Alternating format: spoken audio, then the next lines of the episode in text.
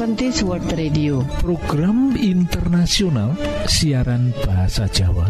Lan kagiatan langsung saking pulau kuat derek ing wektu sing apik iki bakal maparake tiga program yoiku siji ruang motivasi lan rumah tangga loro ruang kesehatan lan telu ruang firman Allah. Kita pracojok program iki bakal jadi manfaat jadi berkah kagem kita kabeh Para sederek, monggo, monggo. Sugeng mirengaken program pertama inggih menika Ruang Motivasi.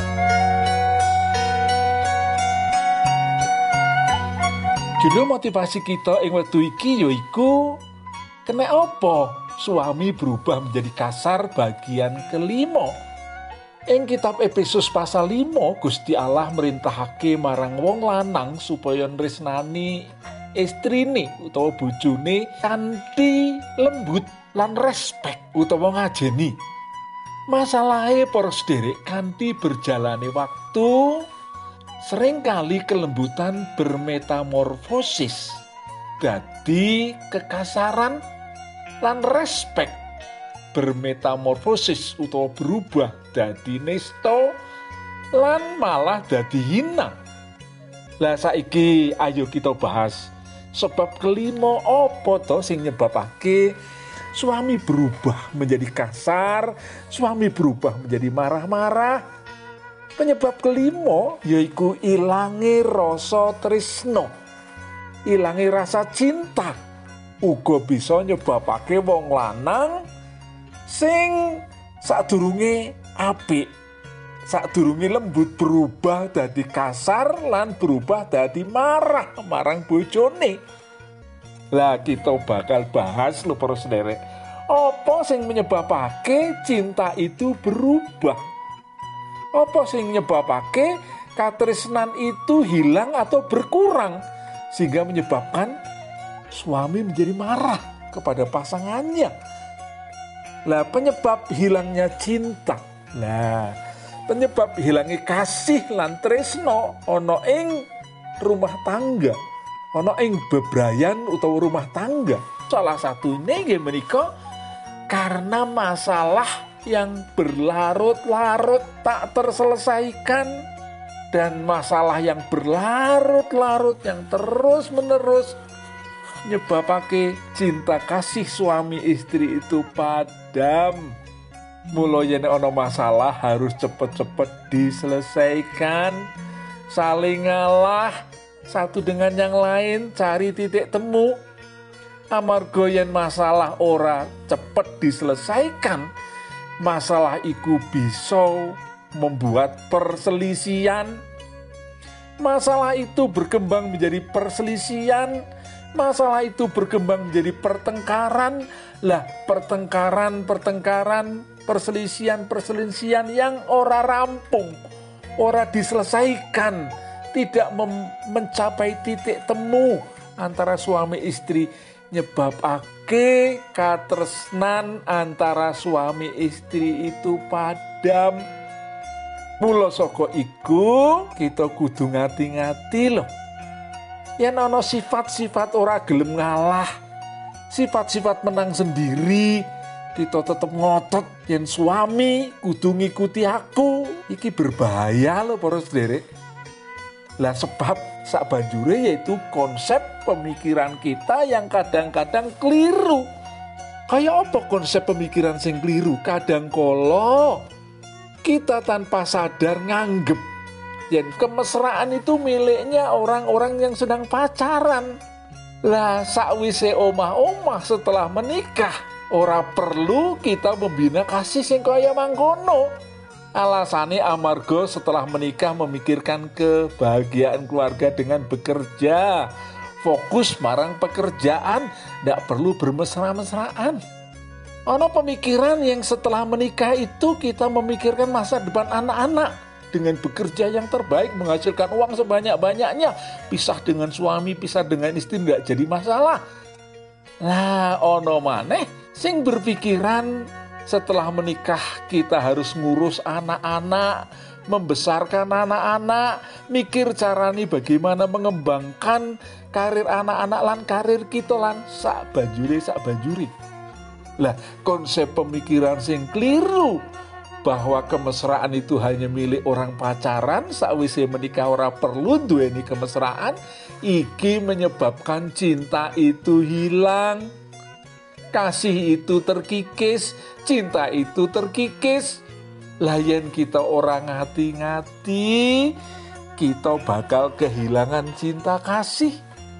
Layan cinta kasih wes hilang bisa menyebabkan suami menjadi pemarah atau marah atau kasar ataupun sebaliknya istri juga bisa menjadi marah lan kasar. Lah alasan sing mungkin saja loh mungkin saja terjadi bisa ugo mungkin mulai tertarik wanita lain. Lah yen koyo mangkono perlu diselidiki. Apa bener? Yen ora bener mungkin wae alasan siji loro terus sing dhuwur kalau wau sing menyebabkan kita ini kehilangan cinta yang bermuara kepada kemarahan suami lah mulo jalan pemecahane piye to yang kita wis kehilangan cinta koyo mengkene yang menyebabkan menjadi suami kasar, kehilangan katersenan iku piye? Cinta sudah mulai menyusut iki piye? Sing pertama sing perlu kita wujudake yaiku komunikasi sing terbuka antara suami istri. Iki jalan pemecahan pertama lho. Ojo ono isi hati atau hati yang grundel yang nanti kita ngerundel berarti komunikasi kita tidak terbuka loh harus derek antara suami istri loh. Kita harus terbuka kepada pasangan apa yang kita rasakan, apa yang menyebabkan hati gundah gulana, kita kudu terus terang dan terbuka tetapi berusaha untuk tidak menyinggung satu dengan yang lain lah komunikasi sing kaya mengkene iki perlu dibina lan biasanya malah dibina sejak pacaran loh. Kita usah mengungkapkan isi hati kita tanpa membuat pasangan kita mal marah, tanpa membuat pasangan kita menjadi tersinggung. Kita perlu memiliki komunikasi sing terbuka. Amargo yang komunikasi mandek. Kita sering salah pengertian loh kita sering loh salah mengerti satu dengan yang lain amargo komunikasi ora terbuka. Lah untuk mewujudkan komunikasi sing terbuka sing kaya mangkono sing keloro yaiku sadurunge berdiskusi ingat loh sadurunge berdiskusi ingat loh dahulukan dengan berdoa berdua. Nah ini persederek Sebelum memulai diskusi berdoa berdua, ungkapkan isi hati. Ungkapkan rencana mau memecahkan masalah iki. Sehingga dengan berdoa kita akan memiliki hati yang tulus di dalam diskusi, di dalam menyampaikan pendapat. Karena kalau kita sudah berdoa, tentu kita tidak akan berbohong dengan isi hati kita atau persederet. Jadi berdoa berdua saat durunge memulai diskusi. Lah saat durunge memulai diskusi perlu kita ingat loh diri. Ingatlah atau elingo. Ada kemungkinan loh kitalah di pihak yang salah yang harus berubah. Nah ini Sebelum memulai diskusi, jangan sampai pikiran kita itu selalu menuduh pasangan yang salah. Ojo, kita harus membuka diri. Jangan-jangan aku sing salah ya. Aku siap berubah kok kayak yang aku salah kok. Lah sehingga kalau kita menyadari bahwa kita yang memiliki pendapat kurang tepat, pendapat suami lebih tepat. Kita berpendapat bahwa pendapat istri lebih tepat bukan pendapat suami yang tepat. Kita perlu belajar mengalah. Layan hati sudah ditoto koyo mangkono bahwa kitalah di pihak yang punya ide kurang bagus, pihak pasangan hidup kita lah yang bagus, dia yang benar yang bagus, saya siap mengalah. Lah iki jadi gampang diselesaikan.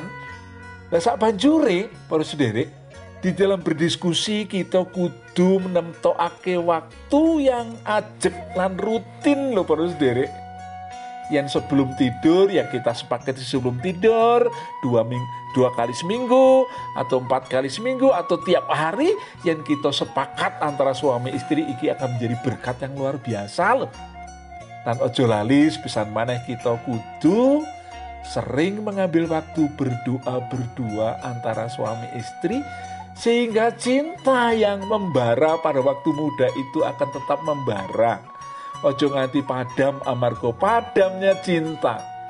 Padamnya kasih.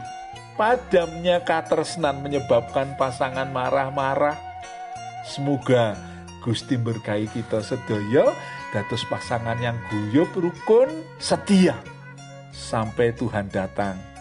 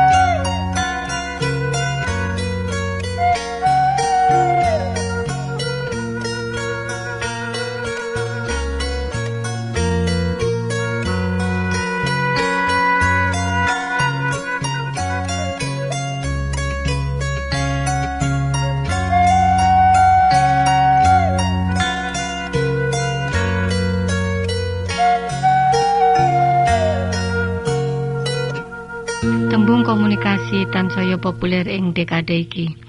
Malah ana kang nandani yen abad iki disebut abad komunikasi. Kanthi majune teknologi komunikasi ing bidang elektronik lan mass media. Mula daya pengaruhe tansaya jembar lan sumebar tekan ngendi-endi. Media komunikasi iki nyebarake akeh informasi lan nganti keri-keri iki manungsa ngalami kebanjiran informasi. Yen informasi iki ora dipilah-pilih, mula bakal ngrepotake lan gawe masalah tumrap manungsa iku dhewe. Informasi kang kluwihan iku bisa marakake komunikasi kang ora komunikatif yen kita ora duwe saringan kang bisa nyaring informasi kang endi kang kita butuhake. Komunikasi minangka kunci. Bocah-bocah nom saiki duwe akeh cara kanggo komunikasi lan oleh informasi apa wae kang diperlokake. Pasrawungane luas. Lan liwat media iku dheweke nafsirake. Nafsirake dhewe informasi kang diperlokake tanpa disumurupi dening wong tuane. Utawa wong kang bisa bimbing para remaja mau supaya ora keblinger margo informasi kang ora tepat Informasi wis akeh ditampa kawula muda liwat sistem mass media lan sistem komunikasi kang canggih. Ing sawiji bab nggawa remaja marang tujuan kang ora padha dingerteni. Umpamane, akeh bocah enom kang keseret kasus migunakake obat-obat terlarang kaya narkotik iku uga disebabake informasi kang salah ditampa dening remaja mau Mbok menawa dheweke oleh informasi kanthi migunakake sawijining obat mau obat mau dheweke bisa melayu lan uwal saka kungkungan masalah frustasi lan stres kang lagi diadepi Sebagian besar remaja iki tidak disasarake informasi iki. Bisa-bisa jalaran wong tua kang kliwat sibuk. Nganti bocah-bocah nom iku padha kelangan komunikasi kang becik karo wong tuane. Kurange komunikasi iki bisa disebabake kesibukan wong tua nganti ora duwe wektu ngobrol karo putra-putrane. Informasi saka sakjabane lingkungan wong tua nyebabake kaum remaja kepengaruh lan keblinger ing dalan kang ora patut dilakoni dening dheweke. Golek kesempatan komunikasi. Kanggo ngimbangi miline informasi kang bludak iku, wong tua perlu nyedaki putra-putrane secara khusus. Golek kesempatan ngobrol senajan mung sedilo, khususnya putra kang ngancik remaja. marang putra-putra kang seumuriku diciptakake hubungan alamiah. Komunikasi kang lumrah tanpa nggurui, kanthi cara nyedaki kang prasaja, ing bab-bab kang katone biasa. Lan ora perlu wong tua dominan ing obrolan. Yen katon ana masalah kang serius, coba didangu. Kepiye perasaane? Lan coba paring dalan metune kang becik miturut dheweke.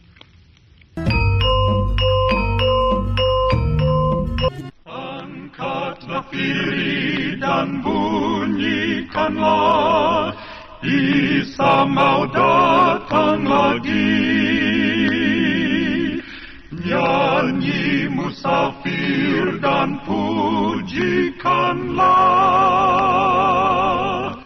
Isa mau datang lagi. EWA utawa AWR Adventist World Radio. Program internasional ing Boso Jowo disiarke langsung soko pulau Guam ing satengah-tengahing Samudro Pasifik.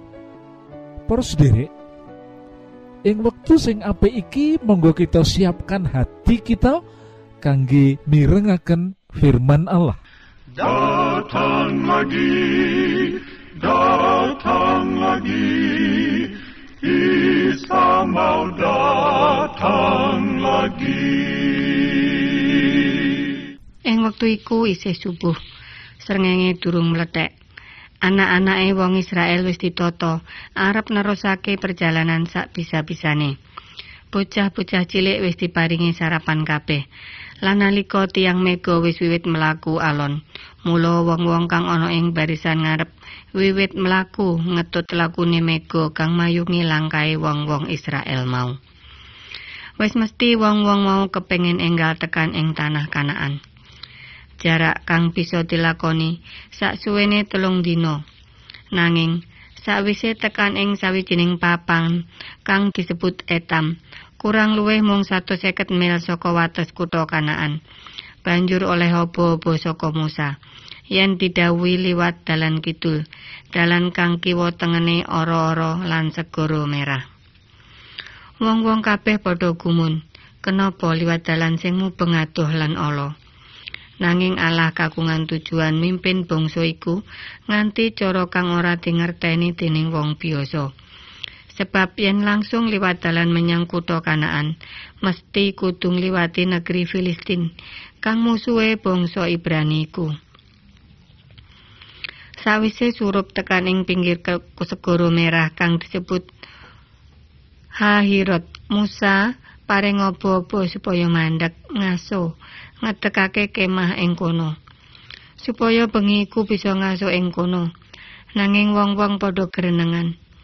Lho kepiye to Musa iki? Masa ing papan kang gampang diserang musuh ngene arep kemah. Ngene iki padha karo nyerahake diri marang musuh. Wis kiwa tengen gunung lan ngarep segara. Yen nganti musuh teko arep mlayung liwat endi? Para sutresna kinasih. Pancen kanthi cara mikir kita minangka manungsa biasa. Kerep kita ketemu dalan kang kaya-kaya ora mungkin. Nanging tumrape Gusti Allah ora ana bab kang ora mungkin.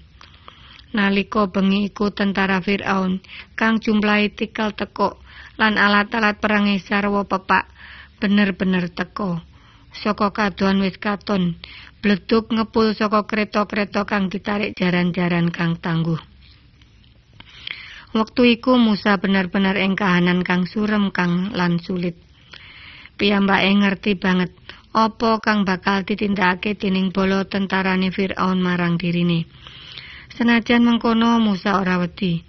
Piyambake ngrasa mesti Yesus ngiring umate metu adoh saka tanah Mesir lan bebasake saka perbudakan lan kematian. Lan ora bakal mendel yen wong-wong mau arep dipateni dening wong Mesir. Musa kelingan mujizat Allah kang wis kedadian seminggu sadurunge. Semono uga Musa percaya yen Allah bakal tumindak bab kang padha ing wektu kang kecepit iku. Para sutresna, nalika tentara Mesir tansaya cedhak, Musa ngadeg kanthi gagah, dheweke dawuh kanthi swara kang alon. Lan tansaya we tansaya sora. Hei wong-wong aja wedi, tetep jejeg anggonmu ngadeg. Allah kang bakal merangi bangsa Mesir. Ing wektu iku tiang mega kaya digerakake marani tentara Mesir lan metengi bolo tentara mau. Nganti padha kocar-kacir kaweden. Musa migunakake kesempatan iku kanggo jengkeng ngapurancang ngaturake pandonga marang Gusti Allah. Nyuwun pitulungan. Firman Allah ing Alkitab buku pangentasan Fatsal 14 ayat 15. Pangandikane Allah marang Musa. Ya kene, kowe padha sesambat nyuwun tulung marang ingsun. Wong Israel padha perintahana supaya padha nerusake lakune. Para sutresna, ucuk-ucuk angin gedhe saka wetan nyebul segara pasir kang ana pinggiran segara kono lan mabur nyebul segara merah. kang dadekake gelombang dadi putih mumpluk. Musa ngadeg ing pinggir segara, gumun nyawang pemandangan alam kang luar biasa. Lan astane ngedangake tongkate kang ajaib. Segara dadi garing kaya kasigar. Lan banjur mentuk dalan kang cukup kanggo liwat para wong Israel. Maju, maju, abane pemimpin-pemimpin Israel. Kanti deg-degan wong-wong banjur kebruduk maju. nyebrang segara kang dadi asat amarga mujizate Allah kanthi perantaraan Musa. Para sutresna, yen kita mbayangake saiki mendah kendele wong-wong sing langkah paling ngarep dhewe. Kiwa tengene tembok banyu segara kang cukup dhuwur. Yen iman percayane kurang kandel, mesti pikire kepiye yen tembok segara iku jebol banjur ora bisa mbendung banyu segara iku. Para sutresna kinasih, nalika katon bala tentarane Firaun bangsa Mesir tansaya cedhak. Ucuk-ucuk tiang mega kang kandeliku mlaku nyedhaki bangsa Mesir lan nutupi panyawange marang bangsa Israel kang lagi kaweden sebab dioyak-oyak bangsa Mesir iku. Peteng dedet dirasakake dene bangsa Mesir iki. Gusti Allah bener-bener wis merangi bangsa Mesir kang duwe sifat kejem lan brangasan ora percaya marang Gusti kalah kang maha kuasa Nalika barisan bala tentara Mesir iku anggone ngoyak wis tekan ing tengah segara kang diasatake dening Gusti Allah. Saperlu liwate bangsa Israel mau, Allah banjur dawuh pangandika marang Musa. Saiki tongkatmu angkatan. Lan sanalika iku segara kang asat dadi dalan mau dadi bali kaya sadurunge. Banyu segara nganti ombak kang gedhe nyapu resik bola tentara Mesir kang jumlahe akeh banget. Kang berusaha ngoyak tentara Israel mau. Para sutresno, bener-bener pemandangan kang luar biasa.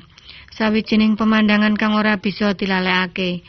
Musa ngadeg ing pinggir segara nganti suwinge petetet karo astane ngedangake tekene lan janggute kang putih ketera angin mobat mabit.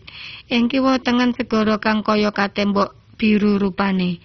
Wong-wong Israel kang mlaku kesusu ngendong anak-anake kang isih cilik. Bocah-bocah kang wis padha mlaku padha cekelan rapet ing klambine ibune. Bapak-bapak padha gotong barang gawane. Uga kewan-kewan inguane wedhus pitik sapi lan liya-liyane benar-benar pemandangan kang luar biasa. Yen kita bayangake ing wektu saiki, apa bisa bangsa Israel mau lali marang pemandangan iku?